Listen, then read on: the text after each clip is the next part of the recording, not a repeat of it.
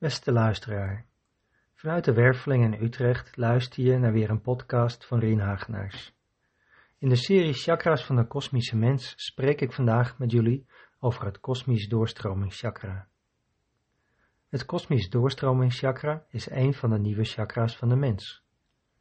De naam doet nogal wat vermoeden, een kosmische doorstroming. De een zal zeggen, wauw, dat is echt iets voor mij, een ander zal denken, wat bedoelen ze daar in hemelsnaam mee? Nou, zoiets als een verbinding met de hemel. Althans, niet helemaal. Het gaat hier niet zozeer om een verbinding met de hemel van de ziel, maar eerder met de kosmos om ons heen. Het universum met haar planeten en al wie of wat zich daar mogen bevinden. Even een klein beetje uitleg, want ik strooi weer met een heleboel begrippen rondom het thema hemel. Om het enigszins begrijpelijk te houden, maak ik hier het onderscheid tussen de hemel van de ziel en de kosmos waarin we leven. De hemel van de ziel is waar je aankomt wanneer je aan het einde van het leven komt te overlijden en waar je verblijft totdat je weer ergens incarneert, als mens op aarde of op een andere plek in het universum. De kosmos is de werkelijkheid waarin we verblijven tijdens het leven. Dit kan op aarde zijn, wanneer je als mens bent geïncarneerd, maar dat kan ook op een andere planeet in de kosmos zijn. En daarmee wordt het wellicht wat duidelijker wat bedoeld wordt met het begrip kosmos in het kosmische doorstromingschakra. Dus het kosmisch doorstromingschakra gaat over dingen die zich afspelen in de werkelijkheid of de werkelijkheden waarin zielen zijn geïncarneerd. En daarmee wordt dus niet bedoeld de informatie die je uitwisselt met de wereld van de ziel.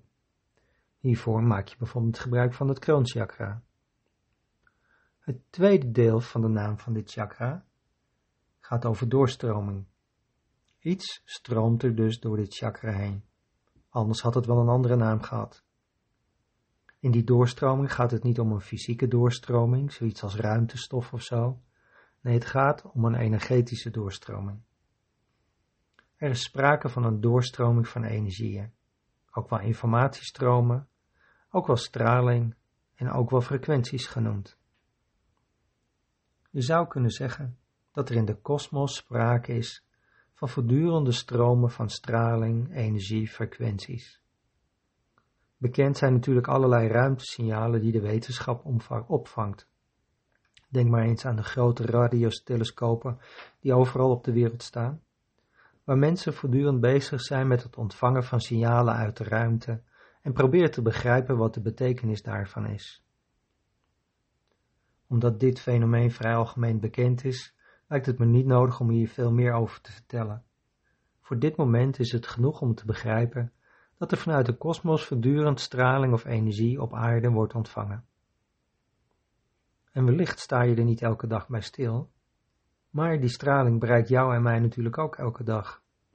Met andere woorden, ons energetisch lichaam ondervindt een voortdurend bombardement van straling uit de ruimte. En dat is waar het kosmisch doorstromingschakra in beeld komt. Het kosmisch doorstromingschakra werkt als een soort sluis. Het laat alleen die straling toe in je energetisch systeem die goed voor je is. Dus er vindt hier een soort filtering plaats. Dat brengt ons bij misschien wel het meest interessante deel van het kosmisch doorstromingschakra.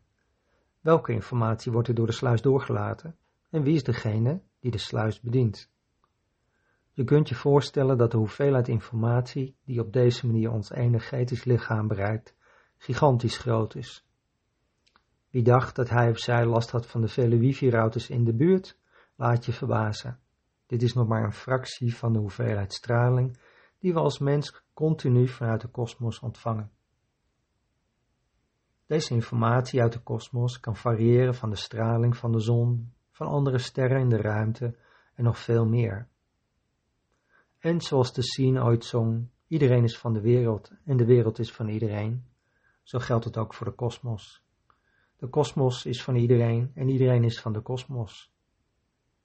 Met andere woorden, niet alleen kosmische ruis en natuurkundige fenomenen bereiken ons als mensheid, je kunt er gerust van uitgaan dat er ook een massa aan kosmische informatie van andere bewoners continu aan ons voorbij stroomt. Dus laat gewoon je fantasie even lekker gaan. Stel je voor, de bewoners van planeet A communiceren met hun planeetgenoten die zich nu even bevinden op planeet B. Toevallig ligt de aarde ergens tussenin. Reken er dan maar rustig op dat hun signalen bij je langskomen. Of dacht je nog steeds dat we de enige in de ruimte waren? Maar ja, je zit er ook niet op te wachten dat al die ballen bij je binnenkomt. Stel je voor dat je met al die berichten iets zou moeten. We hebben het al druk, met van alles en nog wat. Komt de ruimte er ook nog bij? Ja, eindelijk komen we op het punt waar het kosmisch doorstromingschakra een praktische betekenis krijgt. Het zorgt ervoor dat alleen die informatie bij binnen kan komen die voor jou bestemd is of voor jou een praktische betekenis heeft. Dat maakt de rol van de sluiswachter een interessante.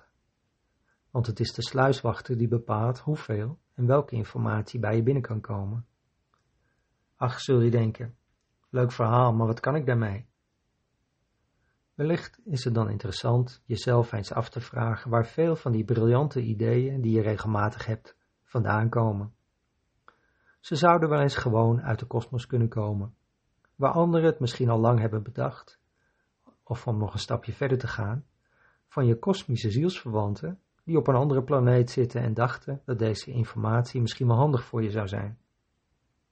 Zo, die zag je misschien niet aankomen. Zou dit dan een kosmische podcast zijn? Nou, wanneer je dit punt van dit verhaal hebt bereikt, is dat waarschijnlijk zo. Anders had je sluiswachter al lang de sluis dicht gedaan.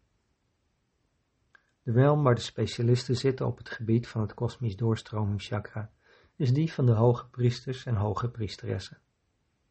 Daar vind je de know-how om informatie die vanuit de kosmos naar de aarde komt op te vangen en om te zetten in betekenisvolle informatie.